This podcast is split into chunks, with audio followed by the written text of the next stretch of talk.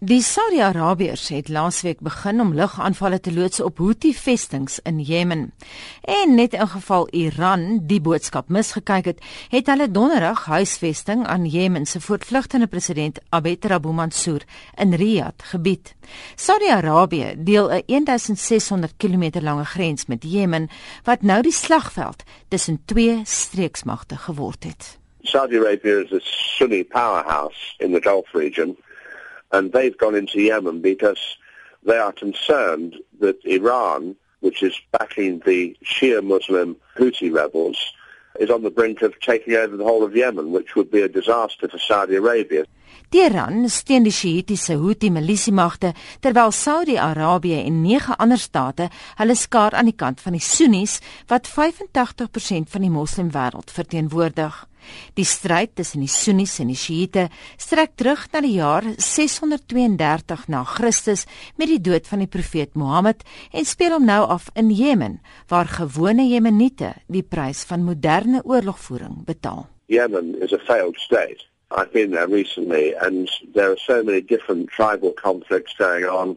There's still Al-Qaeda, Islamic State is in Yemen, the former president's militia in, in Yemen, and you've got the Houthis. The country's just awash with guns and militiamen, and the economic prospects are terrible in a country that is already the Arab world's poorest state. Die vraag wat militêre ontleeders aan debatteer het, is wie die stryd gaan wen. Die Daily Telegraph se militêre redakteur, Kan Kaglen, sê dis nou een vraag wat baie moeilik is om te beantwoord omdat Iran en Saudi-Arabië verskillende sterkpunte het. I think on paper, the Saudis have more firepower, and the Saudis have now put together a coalition of 10 Sunni Muslim Gulf states, including Qatar, Bahrain, the Emirates. They're all supporting the Saudi initiative. They've got more sophisticated warplanes, got the latest American F-16s, British Eurofighters, so in terms of firepower, they're ahead. But the Iranians, as we've seen in southern Lebanon, in southern Iraq, they're very well organized and what they lack in technical capability, they more than compensate for with the discipline of the Quds force. Die Iran het reeds bewys dat enige faksie wat deur hom opgelei word, het sy die Houthis of milisiemagte wat in Sirië doenig is, formidabel kan wees. They've done a very good job in Syria. Three years ago, everybody thought the Assad regime was going to collapse, but thanks to Iranian intervention, they've turned the tide. So I can see this as one of these conflicts that can go on for some time. And I think from the West point of view, I'm reminded of what Henry Kissinger said of the Iran-Iraq war back in the 1980s. He said it was a shame both sides can't lose. Iranse minister van buitelandse sake Mohammed Javad Zarif het net voor die naweek in 'n onderhoud met die land se Arabiese Alam nuusnetwerk gesê ons sal geen steen onaangeroer raak om die krisis in Jemen te bedwing nie. En kan Kaglen glo die Iranese manier van doen beteken meer wapentuig aan die Houthis. I think you will see a lot more arms going to the Houthis. I think you would see Iranian trainers in inverted commas going to the Houthis.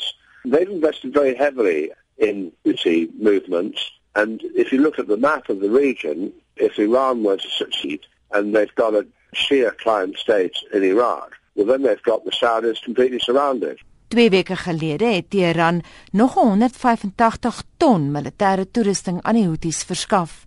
Een van die beweegredes vir die Saudis en hulle Sunni-bondgenote se lugaanvalle op die Shiïtiese Houthis.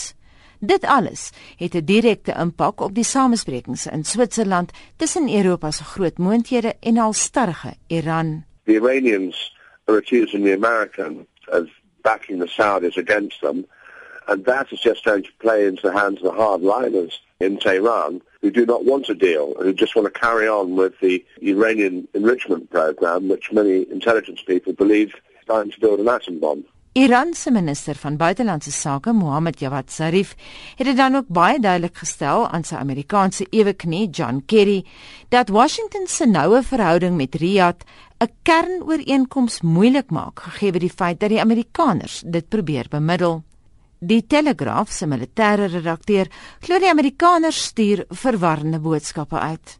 I think the Americans are a bit confused actually, which has become a common feature of the Obama administration. the Obama administration basically doesn't want to get involved in these conflicts. We've seen this with Syria, we've seen this with Libya, but of course sometimes you don't have any option.